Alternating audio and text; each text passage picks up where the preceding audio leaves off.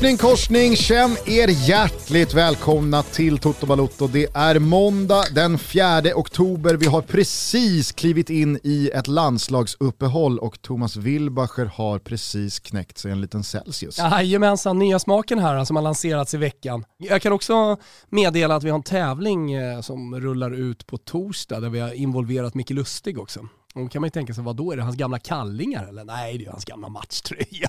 Gugge, skärp dig. Jag fattar. Ja, nej men det är, det är annars eh, dagen efter derby. Då börjar man ju, det kanske man gör varje dag, men jag börjar dagen med en Celsius. Då piggnar jag till lite. Om man såg eh, videoupptagningarna från mm. dig på Libanesen, eh, Gnaget-stället utanför Friends eh, igår kväll, mm. så förstår man att du kanske behöver en liten Celsius här på måndagmorgonen. Ja, nej men så kan det väl vara. Tidig hemma, men det var jävla kul att få sjunga av sig lite. Du vet, eh, jag, jag rör mig ju i, i kretsar där det bara är kvinnor och flickor.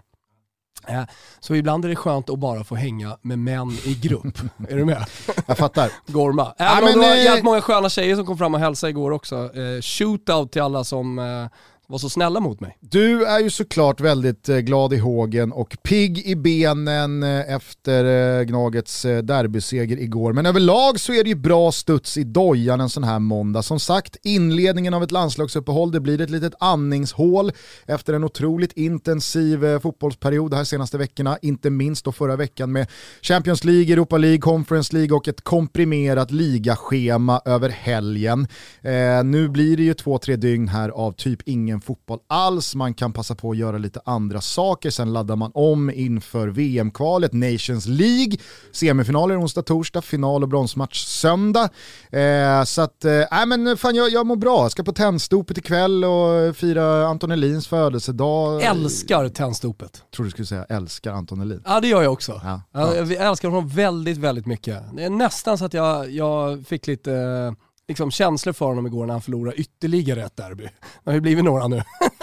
han fyllde ju år i eh, lördags, ja. så uh, frågade jag hur han firade. Sa han, nej men det blir ju, det blir ju Gunners ikväll va, och så derby imorgon.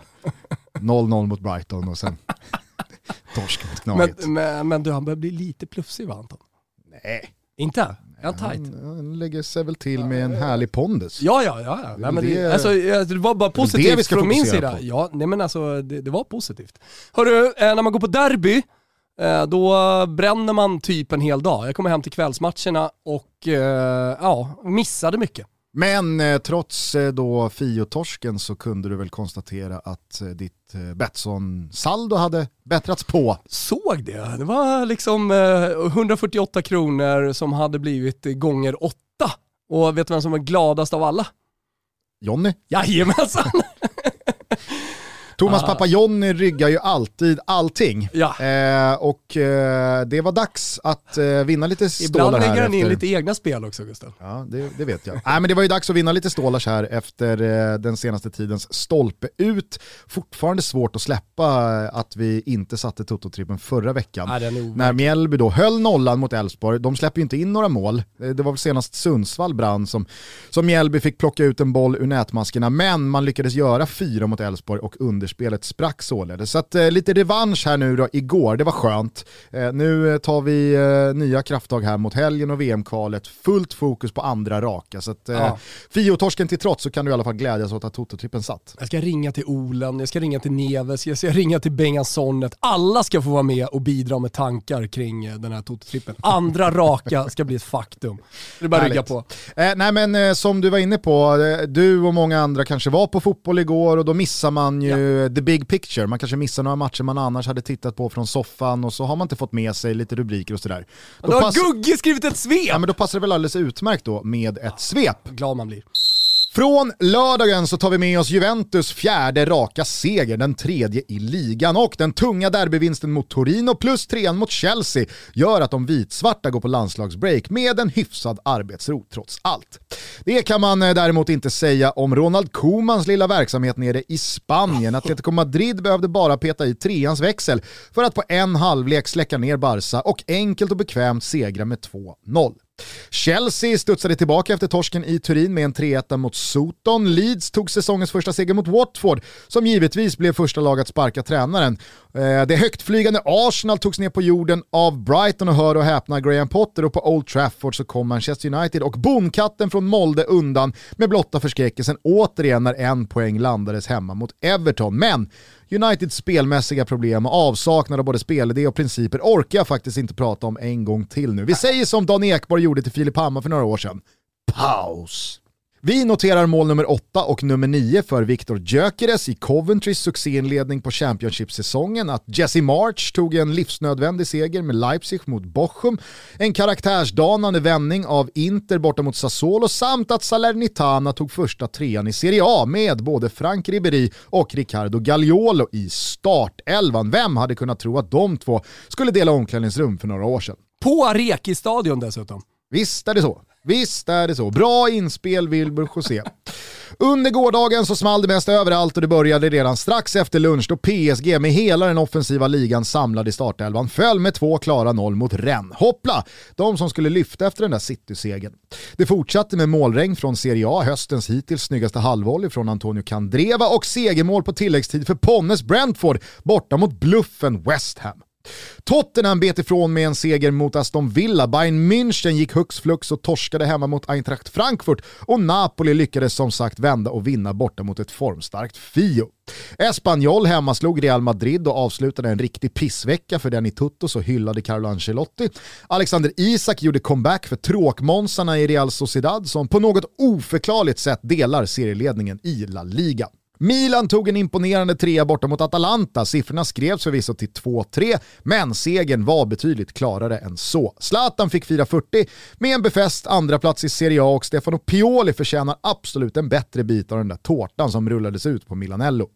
Helgens tyngsta clash hämtar vi från Anfield, för där smällde det av bara helvete efter paus. Sadio Mané gav behärskat Liverpool ledningen mot City, men Phil Foden kvitterade strax efteråt. Det var sen dags för Mohamed Salah att verkligen skingra alla tvivel kring vem av alla världsspelare runt om i Europa som faktiskt inlett den här säsongen bäst av alla. 2-1 målet igår får verkligen symbolisera den formtopp som Egyptien prickat in och han ser för dagen helt ostoppbar ut. Tyvärr dock för Momo Salah, Jürgen Klopp och alla röda supportrar. KDB skulle kvittera och toppmötet slutade 2-2. Men för alla oss neutrala som åtrår det tajta, ovissa och jämna kan vi skåla för att Tottenham, Brentford, Brighton, Everton, Manchester United, Manchester City, Liverpool och Chelsea allihopa efter sju spelade omgångar återfinns inom fyra poäng. I'll fancy that! Vi avslutar svepet hemma i allsvenskan. för låt den 3 oktober 2021 verkligen vara den ultimata reklamen för den svenska supporterkulturen. Mm. Det sjöngs hisnande högt på stadion i Malmö. I kurva Nordahl i Norrköping så hade Peking Ultras och övriga hemmasupportrar kraftsamlat för att ge guldstriden en sista chans. I Örebro så hade kubanerna mobiliserat för att lyfta ÖSK mot strecket och på Friends Arena så såg jag tifon, pyro och en emotionell insats jag inte riktigt vet när jag upplevde senast senast. Det gemensamma budskapet från de båda lagen, växelramsan mot polisen i början av andra halvlek, bengalerna, röken, sången, stämningen, nej det var ett magiskt Stockholmsderby. Och då har jag inte ens berört den otroliga match och inte minst första halvlek som vi som tittade på fick uppleva. Dubbla röda hjärnsläppskort, gastkramande spänning och en intensitet sannoliken värd sammanhanget. Det är bara att lyfta på hatten för tvillingderbyt, för allsvenskan och för den otroliga svenska supporterkulturen. Tittade du Stefan Hector? Tittade du Amanda Lind? Tittade du Mikael Damberg? Tittade ni alla som bestämt er för att denna urkraft av känslor, passion och kärlek ska motarbetas, krympas och i förlängningen utplånas? Jag hoppas verkligen det, för då måste ni ha känt i alla fall lite av det jag kände igår. Att det här, det här är fan det bästa som finns. Bra Gugge! Bra! Vilken otrolig jävla allsvensk söndag det var. Ja, men, eh, alltså, jag, jag såg bara sportsvepet när jag kom hem eh, från eh, de här matcherna. Och, liksom, man glömt bort lite att det inte har varit publik på läktarna, alltså hur, hur det är med publik på, på läktarna.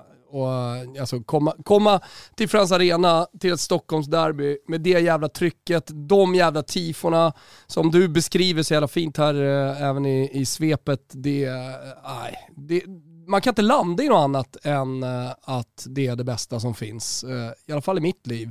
och i någon slags eh, oförstående mot det myndigheterna håller på med just nu. Eh, jag såg också eh, bilder, rörliga bilder på Djurgårdssupportrarna eh, som blev sprayade med, med pepparspray. Och, instängda från två håll. Instängda från två håll, absolut inte våldsamma. och, nej, det, det... Med skyddskragar uppfällda och nummerplåtar på hjälmarna bortskrapade va? Ja. För jävligt.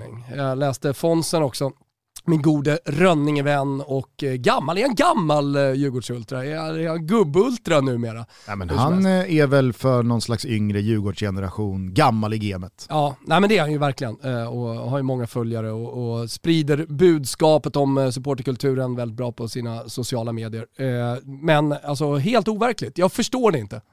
Nej. Jag kan inte förstå det och jag menar, jag kommer ihåg i början på 2000-talet när alla, och då menar jag verkligen alla, var imponerade över eh, liksom det som började bli den supporterkultur som vi ser idag.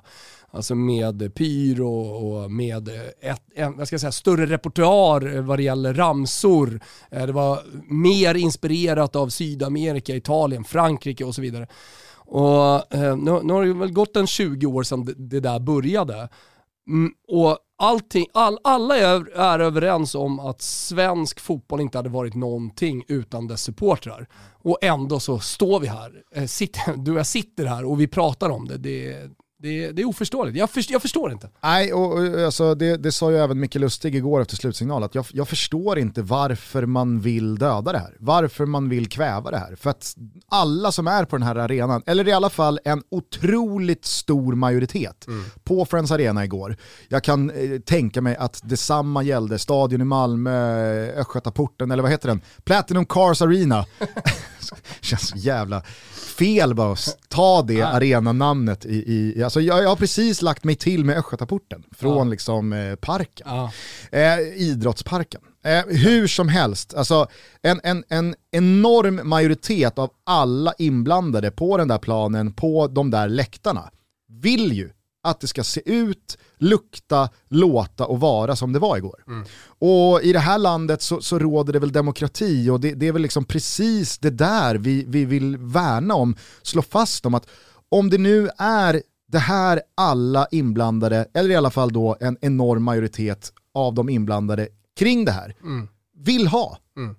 nej men då förstår jag inte hur man kan ha så jävla mycket mandat från ett annat håll för att krympa, minska, motarbeta och i förlängningen förinta. Det är mycket man inte förstår här i världen. Usch, usch. Men vilken jävla allsvensk söndag det var. Det, mm. det, det, måste jag återigen understryka. Jag tyckte det var fint att se Markus Krunegård eh, hålla hov nere i Norrköping när de eh, slog Bayern och inför fullsatta läktare liksom, bråkade sig in i den där guldstriden igen efter då att både Djurgården och Malmö förlorade den här eh, omgången.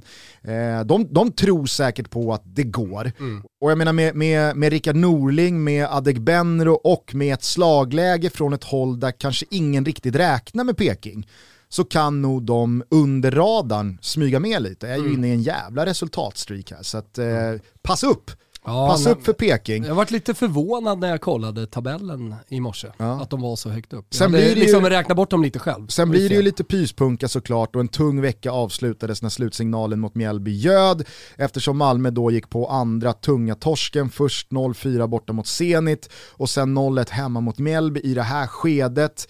Alltså Mjällby släpper inte in några mål så att ingen är väl förvånad över att eh, kan inte släppa in noll, nollan var intakt. Jag förstår inte Gustav. Nej jag förstår faktiskt inte heller.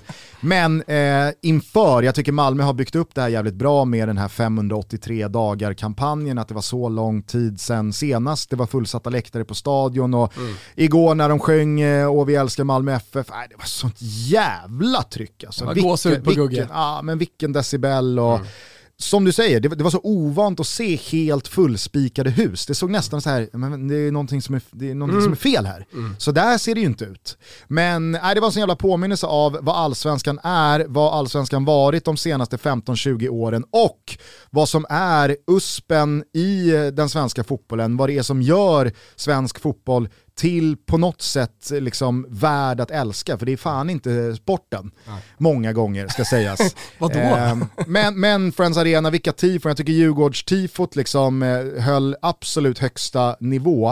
Eh, men sen när AIK hissar den här lillkillen som håller ut eh, halsduken, då, då blir det liksom ja, men det, blir, det blir ju en, en knockout-seger i tifo-matchen.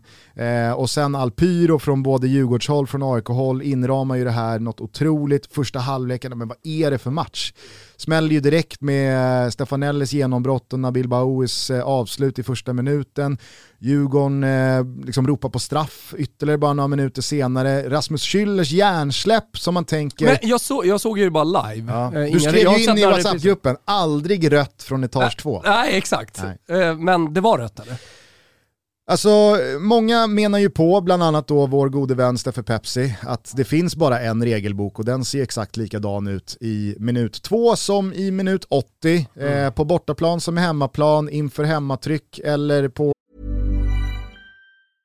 Hej, jag Ryan Reynolds. At Mint Mobile, we like to do the opposite of what Big Wireless does. They charge you a lot, we charge you a little. So naturally, when they announced they'd be raising their prices due to inflation, we decided to deflate our prices due to not hating you.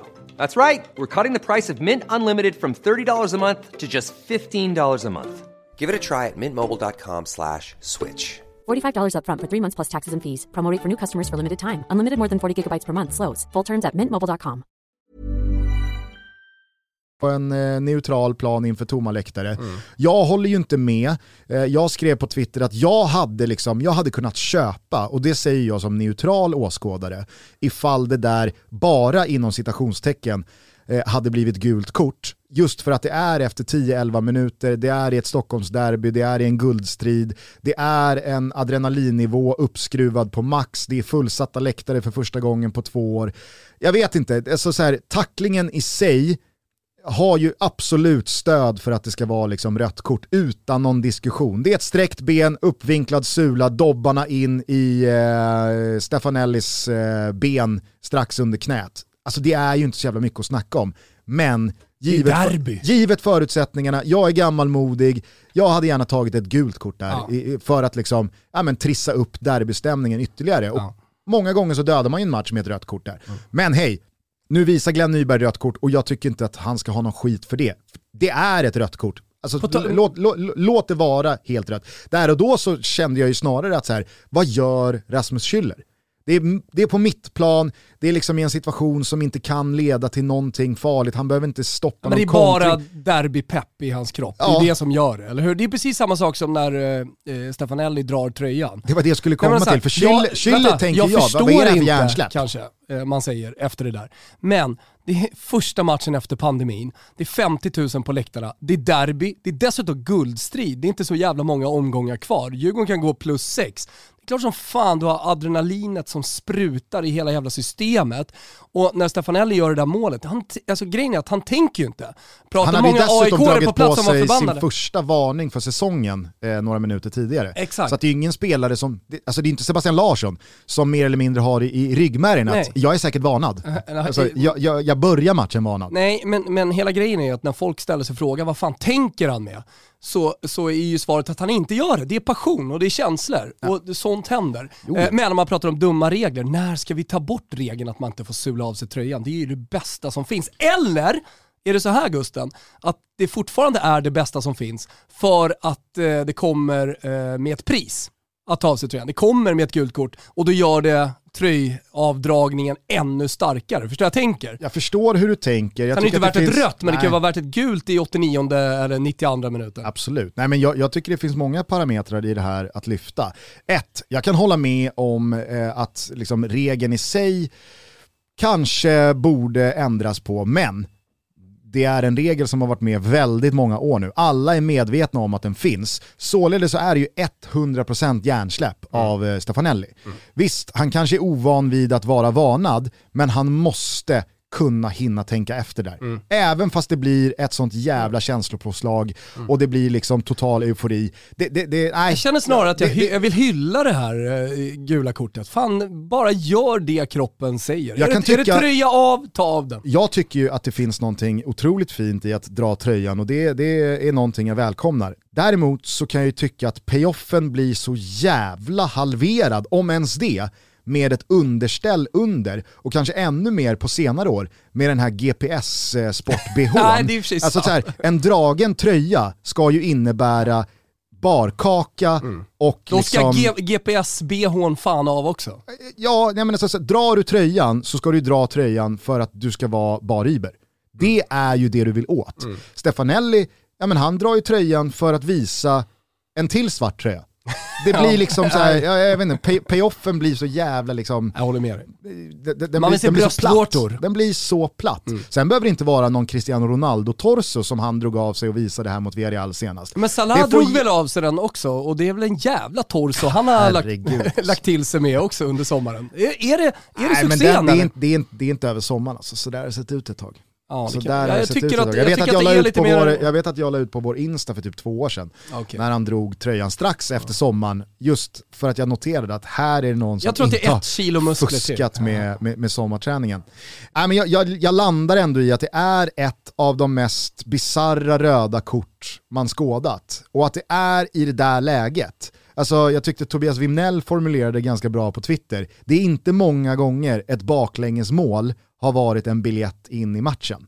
Men det blev det ju verkligen igår för Djurgården, för jag, jag, jag tyckte studion ställde liksom en rimlig fråga, om det var Tommy Åström då, till Jens Fjällström. Om du hade varit AIK-tränare, vad hade du valt? 0-0 och en man mer i paus, eller då 1-0 och Stefanelli utvisad? Det är ju en rimlig fråga, för att Djurgården får ju en sån jävla bjudning in i matchen igen, att kunna bråka sig tillbaka med 10 mot 10 kontra då Men nu sitter vi med facit i hand. Absolut, och för, för Stefanellis skull så kan man ju glädjas åt att matchen slutade 1-0 och att han fick bli hjälte snarare än någon slags supersyndabock som med en sån här stroke bara liksom, ja men, schabblar bort en blytung derbyseger. Stefanelli har ju haft en jävla jobbig tid överlag i, i AIK, har väl av Jesper Hoffman Det är väl en utsetts berg och dalbana? Nej, det skulle jag nog inte säga. Jo, för det det, det, blev ju färre och färre som liksom höll sig kvar i Stefanelli-båten. Jesper Hoffman, vår gode vän, oraklet, han har ju dundrat ut många gånger att det här är kanske AIKs sämsta värvning på hela 2000-talet. Sen kom ju Stefanelli tillbaka och under den här säsongen har han ju verkligen visat jag klar, ja, men, eh, Precis, han har ju fått tillbaka eh, väldigt många och vunnit över väldigt många. Men hade Med det här han, målet och med en men- derbyseger så höjs ju statusen så att säga i historieböckerna. Men hade det här röda kortet inneburit en Djurgårdskvittering, kanske rent av en vändning till förlust? Nej jag vet, men då hade ju Stefanelli, då hade han ju raserat allt som han under året återigen har byggt upp. Liksom, efter Hos Hoffman. En, ja, och många andra säkert. Eh, nej men eh, överlag en, en otrolig jävla derbymatch och eh, jag, jag, vill, kamp. jag, jag vill bara understryka att jag tycker, eh, alltså Glenn Nyberg, domaren, han ska inte ha någon skit. Jag tycker han, jag tycker han gör ett bra derby. Ja. Alltså, de, de jag har som, ingen aning men äh, jag, jag, jag är alltid lite skeptisk till domare så att det, det, det är svårt från etage två så att säga. Ja, och sen så är det väl bara liksom, precis som jag lyfte i svepet kring eh, Premier League-toppen, eh, bara att gotta sig åt för alla oss neutrala, eh, eller för de som hade resultaten på sin sida igår, att titta på den allsvenska toppen, att Norrköping kommer underifrån, Malmö torskar, Djurgården torskar, AIK vinner och så har vi liksom en guldstrid som är så jävla infernaliskt spännande. Så det fan inte finns. Och med tanke på att Malmö startat Champions League-gruppspelet som de har gjort, alltså de har minus fyra mål på Zenit, Alltså jag, jag, jag ser inte riktigt hur Malmö FF ska kunna kraftsamla fram en tredjeplats i det här gruppspelet. Och ska man då ut i Champions League-cirkusen igen nästa år, ah, då är det ett SM-guld som krävs. Således så borde verkligen fokus vara på till 100% den här allsvenska guldstriden och matcherna som stundar här under oktober-november. Äh, alltså det, det kan bli en sån jävla körning där. Eh, så att, eh, det, det, var, det var verkligen, återigen, en allsvensk söndag som jag hoppas går till historien som eh, men en, en manifestation över vad både allsvenskan kan vara sportsligt, men kanske framförallt vad den är supportermässigt. Toto Balotto är denna vecka sponsrade av Max Burgers och nu säger jag det här för sista gången. Korean barbecue finns på menyn, men kanske inte jättelänge till. När jag käkade den så var det någonting nytt. Alltså man har ju testat på en jäkla massa olika burgare genom åren. Men det är någonting med Korean barbecue-såsen.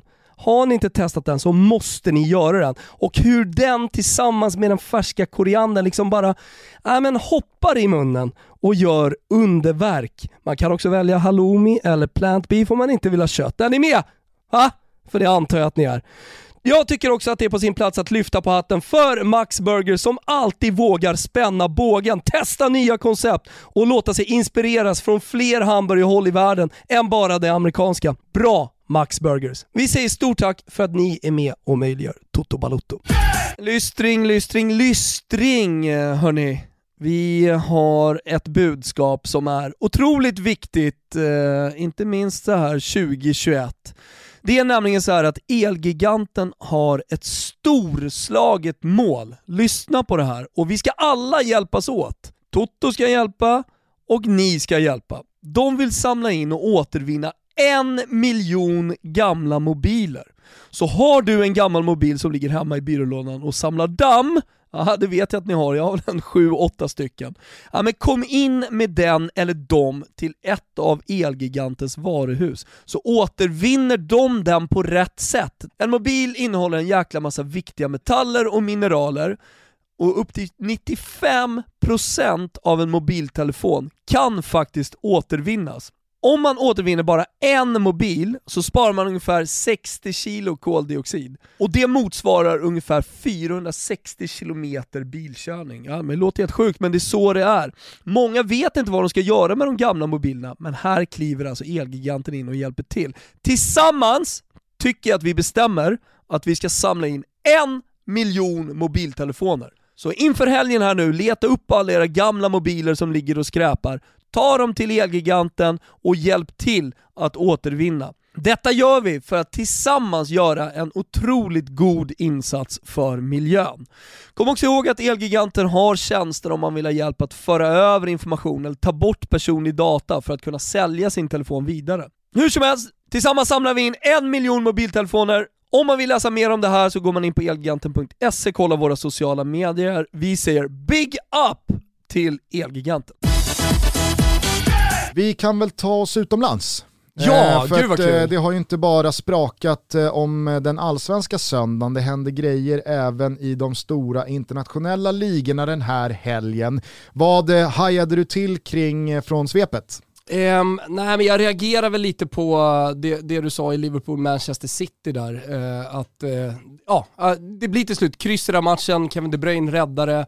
Eh, men eh, sen eh, bara Syntes ju på Pep Guardiolas eh, firande vad, vad, vad det det målet och den Ja. poängen betydde. Absolut, men eh, då noterade jag också när jag kollade in i telefonen här eh, hur tabelltoppen ser ut. Och det är ju jävla roligt. Mm. Och att Brighton är med där uppe, kanske går vi direkt i en brygga över till den matchen. Jag såg någon intervju med, eh, var det Thomas Partey? Eller var Kanske det det var. någon annan? Hur som helst, eh, där han helt, nej det var ju med eh, Tomiyasu Ah, nya japanska backen. Han, han var bara ärlig och sa, det är klart att vi alltid vill ha tre poäng, men Brighton var bättre. Och jag menar, eh, alltså det han, Potter har gjort och att hela tiden stå fast vid, jag, jag kommer ihåg när vi satt här med Jesper Hoffman, man, man undrar när ska det ta slut lite? Alltså hur länge ska eh, principerna hålla? Alltså att man jobbar långsiktigt och man jobbar eh, eh, med ett ganska eh, svagt spelarmaterial om man jämför med tabelltoppen, men jobbar med att spela fotboll.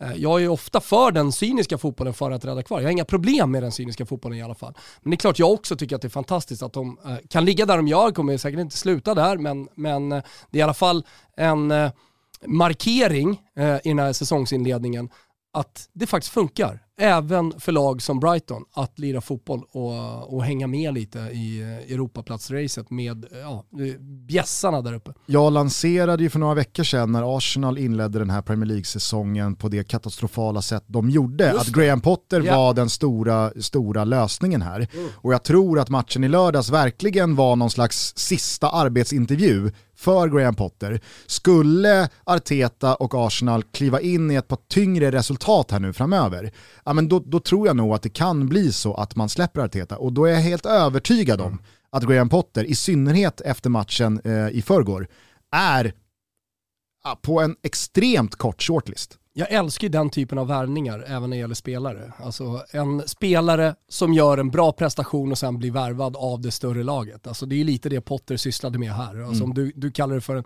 sista arbetsintervju. Eh, och det, är väl, det är väl kanske så man ska se på det också. Men är det snack i England om att han ska ta över? Det har Eller väl- är det nej, bara alltså in- att- din teori som är Ja, lanserad? det, det är väl inte liksom något konkret snack om att det ligger ett har kontrakt varit- Han har nämnts i Arsenal-sammanhanget, eh, i synnerhet då tillsammans med Brendan Rodgers. Och där kan jag väl känna lite mer att det liksom, tiden talar för Brendan Rodgers om man nu ska byta ut Arteta. Det är säkert många som efter den där Tottenham-segern förra veckan, det var ju du och jag inne på också, att det var precis en sån där vinst och en sån där insats Artetas Arsenal behövde och att det nu finns en eh, yngre generation på plats, eh, det finns eh, värvningar på plats som har inlett bra. Men det Alltså- går att jobba långsiktigt med det här laget. Ja, och, och jag, jag, jag har absolut favorit på att Arteta kan ta det här Arsenal vidare och kommer vara deras tränare ett bra tag framöver. Men skulle Arteta gå in i återigen då några tyngre resultat och det börjar blåsa rejält snålt och han skulle få gå, ja, men då kan jag se framför mig att Brendan Rodgers är mer sugen på att lämna ett Leicester som har lite pikat känns det som. Alltså varje gång jag ser Leicester den här säsongen så känner jag att äh, den, den, den här spelargruppen, nu såg jag Juri Thielemans eh, har annonserat att jag kommer inte skriva på något nytt kontrakt, eh, jag kommer ta min business elsewhere. Vardy gör ju sina mål men han blir inte yngre.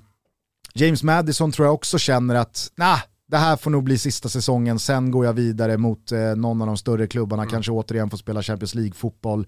Det finns ju ett par spelare i den där backlinjen som, som nog känner samma sak. Ndidi vill säkert också flytta på sig. Leicester kommer ju inte vara med och bråka, tror jag, om Champions League-platser eh, de kommande säsongerna. Nej. Och det tror jag kommer innebära att liksom, Brendan Rodgers nog gärna flyttar på sig. Men jag tror nog att Graham Potter verkligen stärkte sina aktier vad gäller just eh, Arsenal-jobbet eh, efter 0-0 här senast. Och det tycker man som svensk är extra kul. Det är väl kul, absolut. Tycker också det är kul att Graham Potter har lagt sig till med det här skägget. Det, det, det finns någon extra dimension i eh, honom Vet du vad? som, som Håller person. 100% med. Ja. Det gör all skillnad. Men ska vi bara kort eh, slå fast eh, det jag var inne på i svepet, att Mohamed Salah har varit bäst av alla den här säsongsinledningen och då pratar vi inte bara Premier League utan då pratar vi alla stora ligor och då Champions League.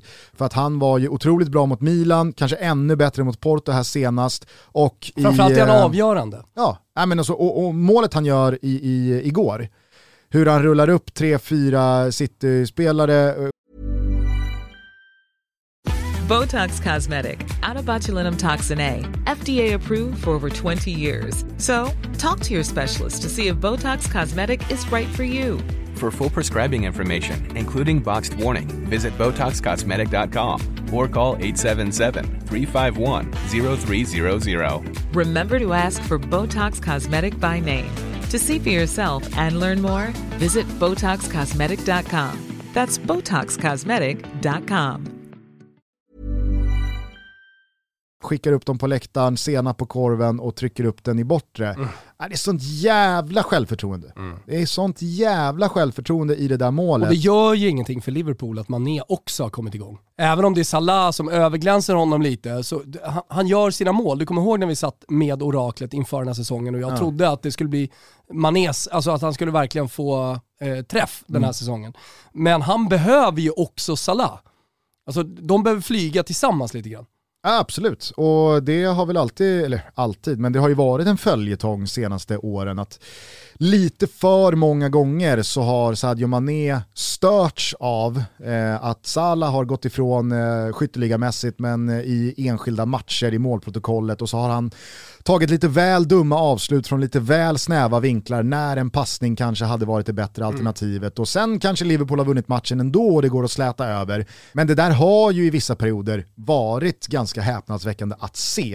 Eh, igår så blir det ju liksom på passning från Salah, Mané som får göra första målet. Äh, det, det, det, är ju en duo snarare än en trio numera. För Ja. när Diego Jota tog över från Firmino så känner man att okej, nu, nu börjar Firmino fasas ut och Diego Jota är den nya. Jota har ju haft en jättetung säsongsinledning vad gäller just produktionen och inte alls fått till det. Där känns det snarare som, ja, men nu är det mera hugget som stucket om det är Firmino eller Jota mellan Salah och Mané, för det är de två som Mm. driver allting nu. Mm.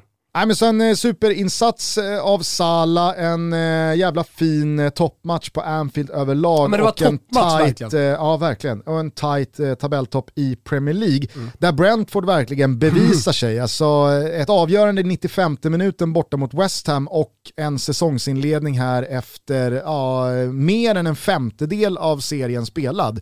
Som är så mycket på riktigt det bara kan vara, tycker jag. Ja, nej men det är så här, på tal om att jobba långsiktigt. Eh, här finns det ju processer så att säga i Brentford. Det finns ett arbetssätt eh, som talar för att de faktiskt ska stanna i, Premier League flera år framöver. Sen är det klart att man kan få en sämre säsong och de lever alltid farligt. De måste alltid gå in i säsongen med eh, målsättningen att vara kvar.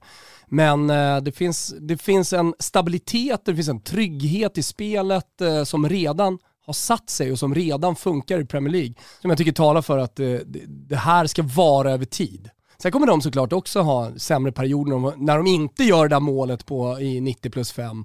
Eh, men men eh, att, de ska, att de ska vara med i nedflyttningsracet, om man kollar på de lagen som är där nu och eh, hur usla de ser ut, så tror jag inte på det. Utan det, det här är snarare ett mittenlag den här säsongen. Och sen stundar landslaget och så blir man alltid lite ledsen när man ser Ponnes insatser och så han tackar för sig. Men eh, jag har ju tjatat lite på honom, det har du sett i vår lilla WhatsApp-grupp.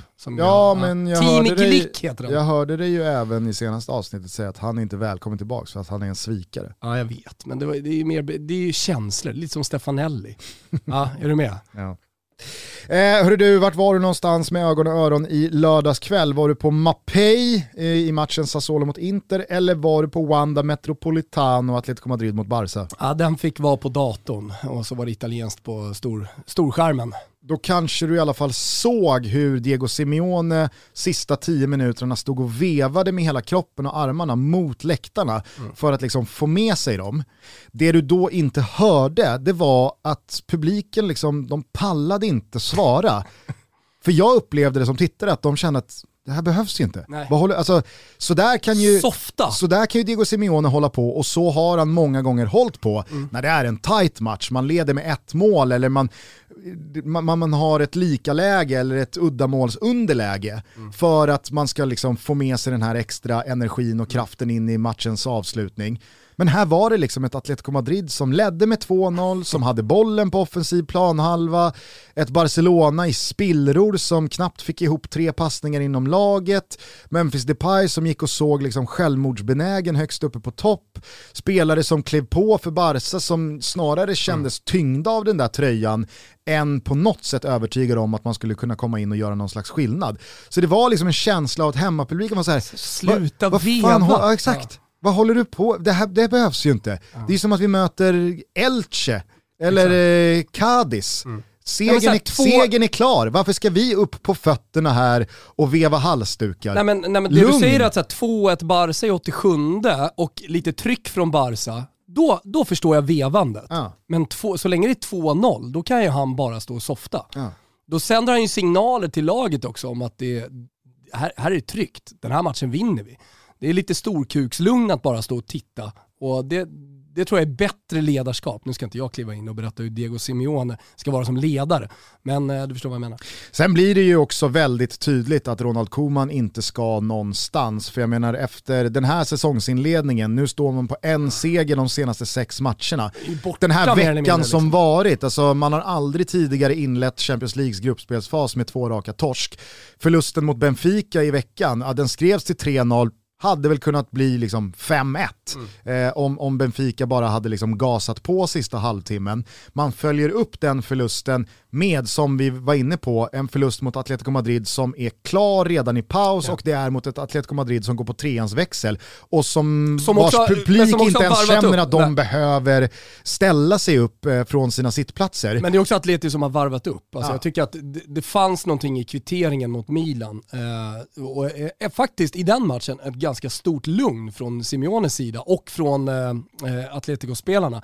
Eh, har vi pratat så jävla mycket om den matchen? Ja, men det har vi. Ja, har ja, okej, vi har gjort det, men det jag skulle säga är bara att Milan-spelarna smäller ju på så jävla mycket. Llorente får ju ta så jävla mycket stryk och han är förbannad. Men ändå så behåller man lugnet Mm. och man hittar det där målet och det räckte lite grann också. Det jag skulle komma till var i alla fall att Laporta då, den nygamla presidenten i Barcelona, han gick ut med liksom ett 100-procentigt stöd till Koman som kanske inte var, han är en otrolig tränare och vi har Nej. fullt förtroende för Koman, utan snarare mellan raderna sa det är helt, helt eh, otänkbart att sparka Koman i det här läget eh, för att dels eh, pröjsa en, en fallskärm på 12 miljoner euro och att i det här läget plocka in någon ny tränare men som är typ vem då? Andrea Pirlo? Ja, ja. Nej, men- alltså, jag tror att Xavi borta i Qatar, han, han vet ju Han att nu kan jag inte ta Barcelona, för då riskerar jag att komma in i helt fel läge, att eh, sätta mitt legacy i något slags jeopardy.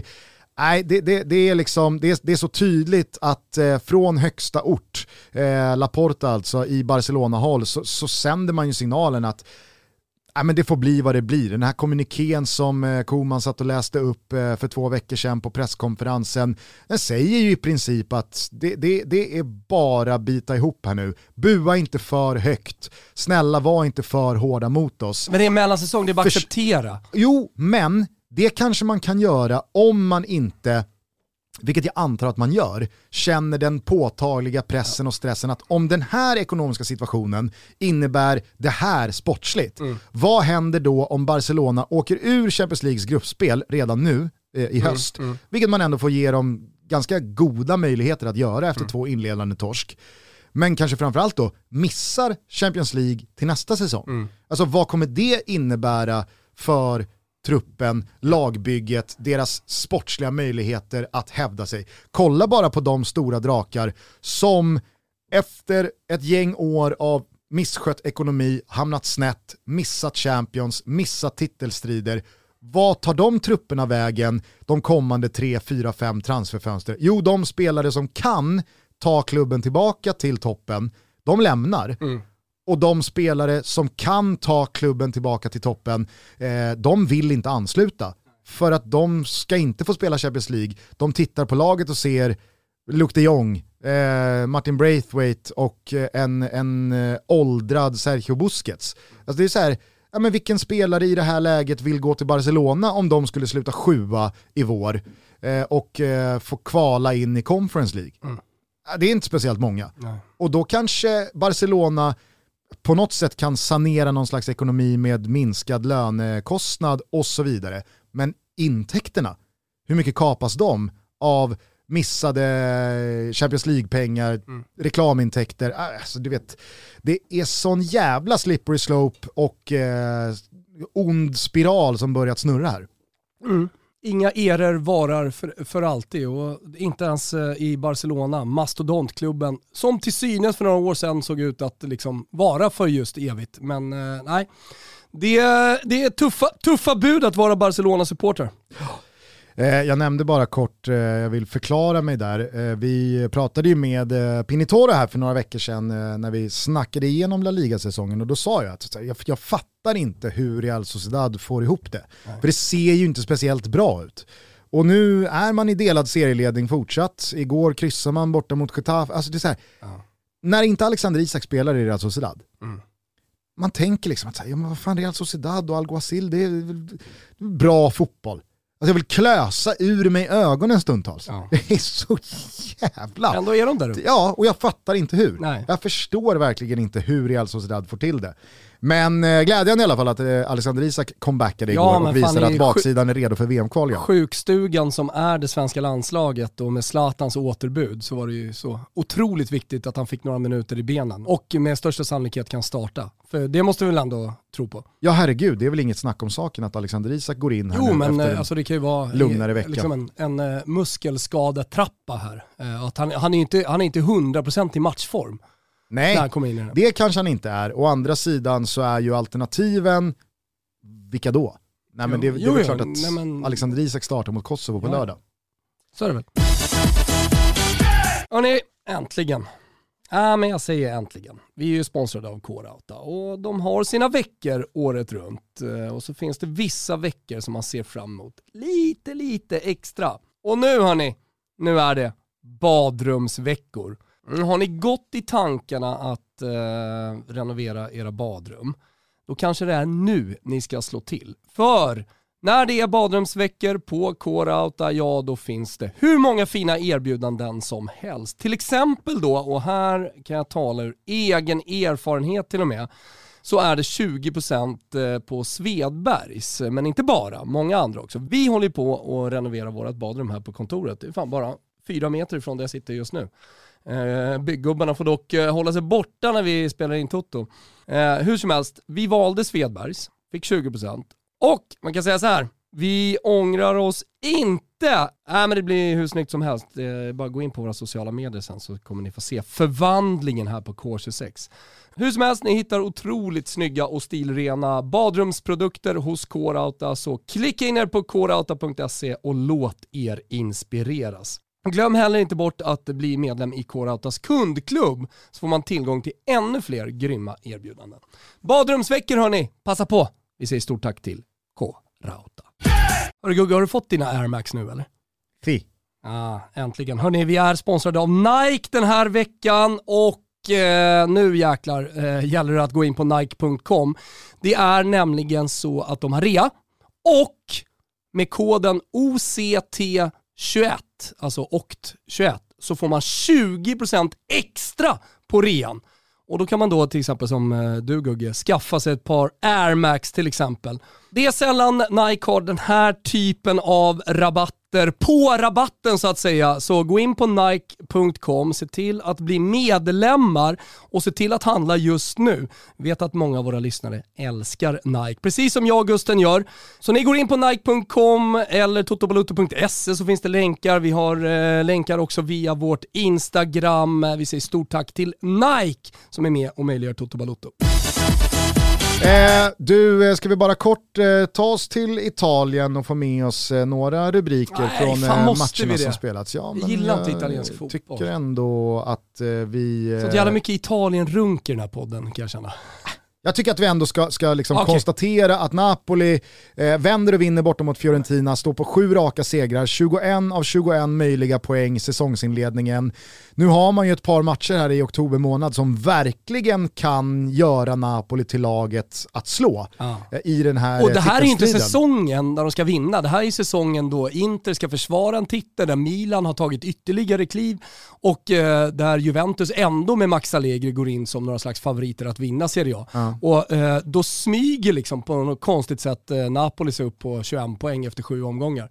Det är, det är starka jävla papper man går in i landslagsuppehållet med. Sarri roterade ju knappt en gubbe, han gjorde knappt ett byte. Gattuso, han hade väl typ 13 spelare att använda sig av eh, i, i, i långa perioder. Eh, Ancelotti, ah, det var väl någon slags korsning eh, mellan de två, men är inte känslan att Luciano Spalletti borde vaska Europa League? Jo, faktiskt. Alltså nu hanterade man det bra den här gången. Ja.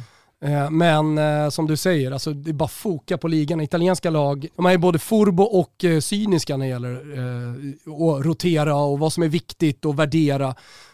Och Luciano Spalletti har varit med så länge så det skulle han mycket väl kunna göra. Men känner inte du lite, alltså med hela tränarrotationen också i Serie A och inför den här säsongen så var ju Luciano Spalletti kanske den tränare man trodde minst på.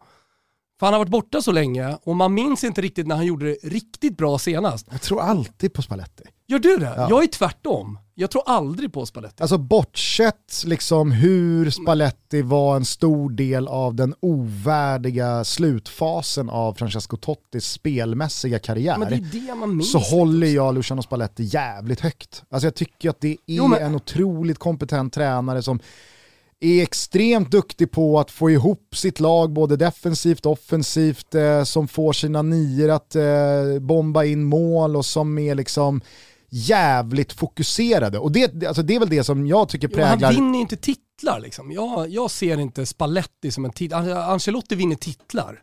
Spalletti spelar rolig och bra fotboll. Jo men där får man väl ändå säga att Spalletti under sin tid allt. i Italien Mm. inte har haft Juventus under ett decennium Absolut. där Juventus var ja, men extremt svårslagna. Självklart. Han går till Ryssland och visst, Ryssland kanske inte är eh, Italien och ryska Premier League är inte Serie A, men titlar vann han ju med Zenit. Alltså, jag, jag, jag, jag, jag tror nog att Luciano Spalletti är mer en titelvinnande tränare än, än, än, än vad du liksom känner och tänker här Jo, på men det var ändå så här, du vet Udinese, han blev eh, coach of the year och, och sådär. Sen gick han upp, han testade med Roma, han eh, flyttade Han utomlands. gjorde det ruskigt bra med Roma ska sägas. Ja, han gjorde det ruskigt bra, väldigt omtyckt. Men det är någonting med att eh, vara lite äldre, har varit borta från toppfotbollen, han har inte tränat på två år när han kommer till Napoli. Och sen då göra ritorno. Så, Alltså det, det är någonting i hela paketet med Spalletti som jag inte trodde på. Men jag har ju fel, eh, uppenbarligen, för han leder ju Serie A. Och det, i år så är ju konkurrensen värre än någonsin ju. Alltså i år är ju öppet, det, det är eh, ja, men fyra lag som kan slåss om eh, ligatiteln. Minst. Nej. Ja, jag, skulle, jag skulle vilja banta det till tre lag. Okej. Det är bara jag som vill ha mer Roma där. Ja, jo, jag tror det. Ja. Men, eh, Eller vadå, visst. Napoli plus tre randiga. Det är ju fyra lag. Ja, det var därför jag sa minst, för att jag vill ha mer nej, Roma där. Nej, men de, de slåss inte om det hela titeln. Nej, det är väl kanske bara att inse det. Eh, Men jag vill i alla fall ha med dem där. Skitsamma, det jag skulle komma till vad gäller Napolis säsongsinledning här och eh, min, min, min, mitt råd att de ska vaska Europa League är ju också för att jag tror att Spallettis Napoli kan hämta jävligt mycket ur, på tal om det vi, vi berörde här kring eh, Diego Simeones sätt att få med sig Atleti-publiken. Att när nu supporterna, vad det lider, eventuellt kommer tillbaka till eh, Stadio Diego Armando Maradona, man vill fortfarande bara säga San Paolo. Eh, det är väl fortfarande lite jidder med några, alltså, man, man fattar ju aldrig riktigt A och B-gänget där, Nej. vad det är som skaver. Men eh, när väl Serie A börjar släppa på här 100% så är det väl bara en tidsfråga innan Napoli Ultras löser det där. Och då tänker jag att med den kraften som kommer till ett serieledande Napoli, ja, men då tror jag också att man från hela liksom, supporterskarans håll skiter lite i Europa League. För om man nu skulle gå hela vägen och vinna Europa League, ja, vad skulle det då betyda? Ja, vad skulle det kosta? Exakt, det skulle förmodligen kosta en titelstrid Ja, men för att och de i ska vinna titeln så behöver de alla spelare. Men ska de vinna ligatiteln genom en titelstrid hela våren, Mm. då är det helt omöjligt, tror jag, för Napoli och den truppen de besitter. För bredden på toppen finns ju inte. Det räcker ju med att Osimhen och Koulibaly går sönder, Mm. Så kommer inte Napoli ha att göra i, i vare sig en Europa League-semifinal eller i en eh, scudetto-strid i omgång 33-34. Mm.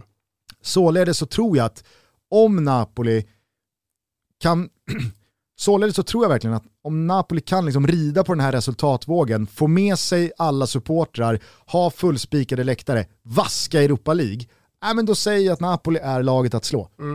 Nej, men eh, jag tycker också att stabiliteten bakåt ska nämnas eh, vad det gäller Napoli. Alltså släppt in tre mål så här långt. Eh, och visst, man spelar en pro-positiv fotboll, men om man inte håller tätt bakåt i den italienska ligan då vet man var det slutar. Det kommer i alla fall inte sluta med, med några titlar. Så all cred till, till Spalletti då, som jag inte trodde på. Nej. Jag förstår ingenting Gusten. Jag tycker också att vi igår kväll såg en, en, en definitiv, nu vet jag att Vicky Blomé i eh, Fotbollssöndag Europastudion inte riktigt höll med mig, men jag tyckte i alla fall att vi igår såg en insats av Atalanta, ett resultat av Atalanta eh, som i alla fall indikerade för mig att Atalantas tid i den absoluta toppen nog är lite förbi. Ja men det sa jag redan innan eh, den här säsongen så det är klart att jag skriver under på det. Och jag, jag, jag förstår att så länge Gasperini är kvar och så länge man har nyckelspelare som Zapata som var fantastisk i den här matchen till exempel. ehm, Var han jag- jag- fantastisk? ja det var han. Han var bäst på plan i Atalanta. Jo, det var han, men eh, det var väl kanske ingen mördande konkurrens heller.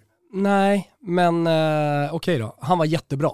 Han var inte fantastisk. Vi ska inte strössla med superlativen, men det jag menar är bara att eh, jag, jag tror inte att Gasperini, jag tror inte att Atalanta ska jag säga, inte Gasperini, jag tror inte, jag tror inte att de orkar med att eh, liksom ligga där uppe i toppen år ut och år in. Utan det kommer komma säsonger som till exempel den här som ställer till det lite för dem och då kanske man inte, du vet, missar man på en av alla jävla Gåsens och eh, Malinowski och allt man köper, alltså dussinspelare, i alla fall eh, på pappret dussinspelare, som han får full effekt på efter en eh, sommarträning.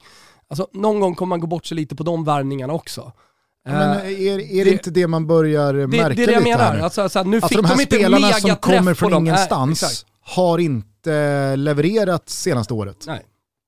Och det, och, och, nej men, alltså det är en provinsklubb fortfarande. Jag De har en också- fantastisk eh, akademi och eh, Gasperini är otrolig och sportchefen Sartori vet vi om sen gammalt. Det var han som gjorde Kiev och, och han vet vad han pysslar med. Liksom. Han, med en lite större budget nu så kan han ta eh, Atalanta till Europa, han kan göra det bra till och med när han är väl ute i Europa. De har väl två segrar nu i Champions League va? Inlett. Nej, eh, fyra poäng. Nej, fyra poäng. Kryss borta mot Villarreal. Ändå, ändå. Stark inledning där.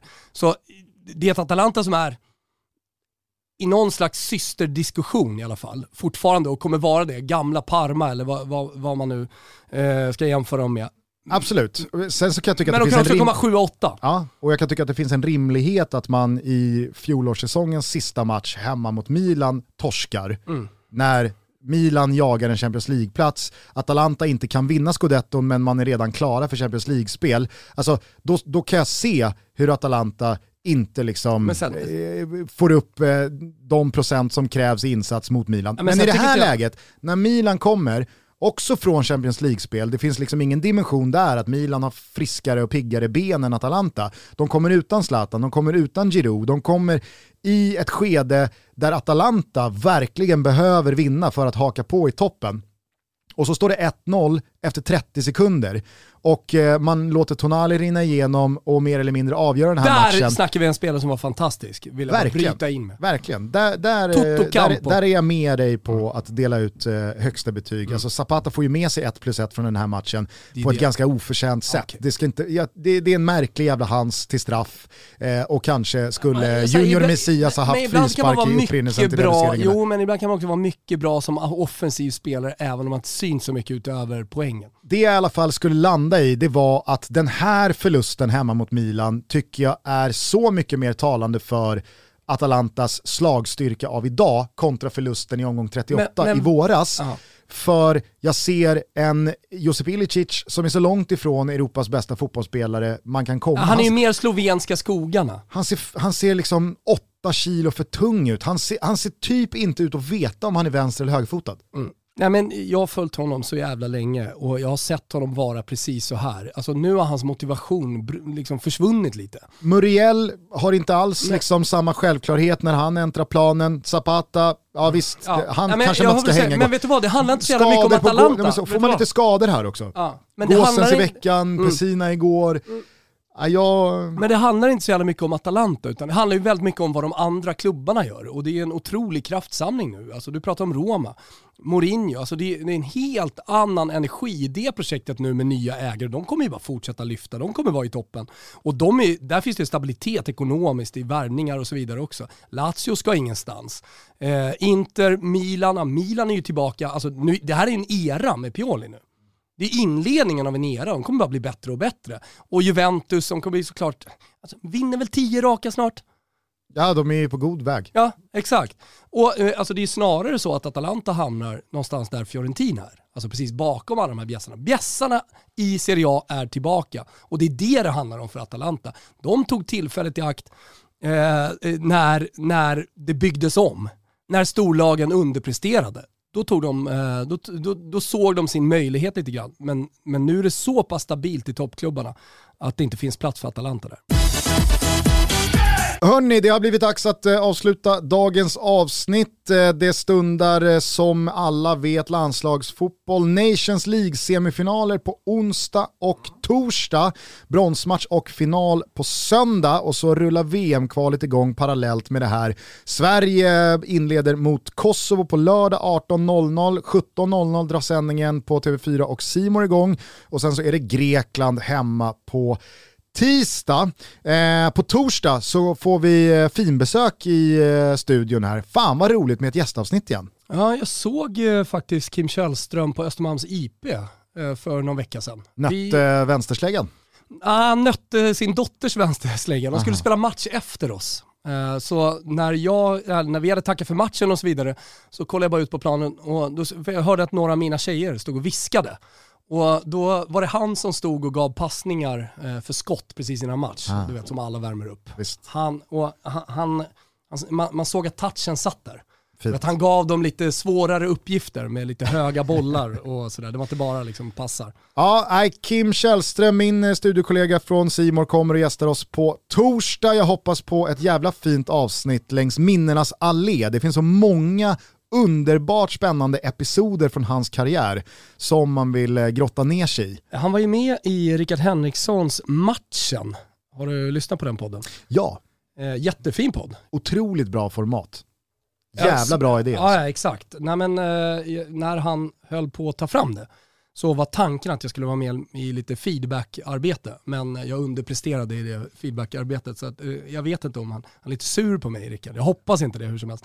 Eh, men eh, alltså, det var en match men det finns många fler matcher också. eh, säga. Herregud, alltså här pratar vi om en spelare som dels har gjort 130 någonting landskamper för Sverige över eh, typ 15 år.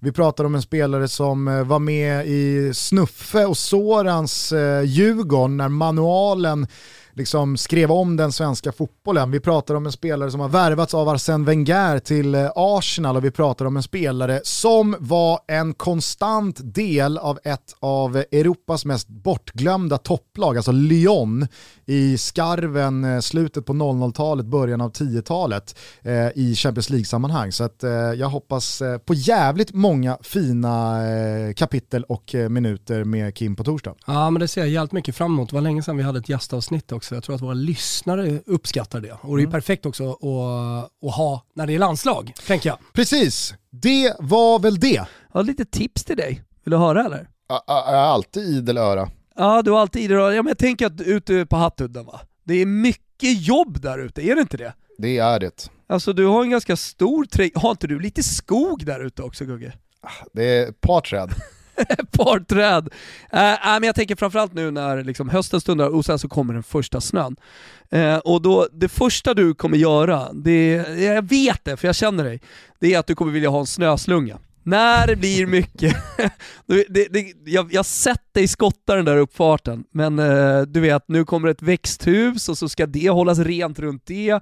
Du kommer inte orka, så du kommer vilja ha en snöslunga. Och då vill du handla miljövänligt, det vill säga second hand.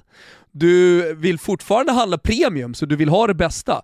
Ja, men då går du in på Tradera och sen så gör du, tar du mitt tips. Då går du in på trädgårdsmaskiner, trädgård och växter, trädgårdsmaskiner, snöslunga och sen kör du bara högsta pris i filtrering. Så ser, jag, ser jag överst här, bensinmotor 6,5 hästkrafter, fyrtaktsmotor, snöslungemotor. Alltså, kan även funka som jordfräs. Det är så mycket bra grejer inne på Tradera. Själv ska jag in och köpa lite lego. Det är, det, jag tänker liksom såhär, när jag gör lego, alltså det, det är så mycket och så blir det bara liggande. Då är det bättre att vi köper av varandra på ett grönt sätt och dessutom mycket billigare. Men fortfarande, jag ser här, när man kollar på lego så får man dem i boxar, allt är uppställt, så det är ju som att köpa nytt. Fynda bland över en miljon unika fynd, eh, vi har över tre miljoner personer inne på Tradera. Eh, se till att ta del av det du också. Och Gusten, tjacka en fin snöslunga. Tack för att ni lyssnar på Toto Balotto. Vi hörs igen på torsdag alltså tillsammans med Kim Källström. Passa på nu att andas några dagar innan fotbollen rullar igång igen med både Nations League och VM-kval. Ni vet att ni ser all fotboll från de här sammanhangen via Simor så gå in på simor.se sport eller telia.se sport och landa er ett abonnemang. Där streamas dessutom samtliga matcher från Champions League. Så att är det någonting man ska ha, ja då är det fan i mig det. Ja. Det var allt för idag. Ta hand om varandra. Ciao tutti. Ciao tutti.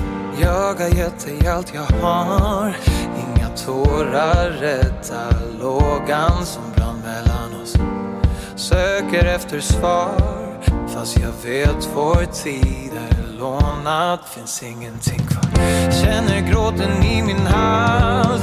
Bara skjut mig nu, få ett slut på allt som rubbat min balans. Bara skjut mig nu, få ett slut på allt för du såg slutet komma mot oss som ett tåg.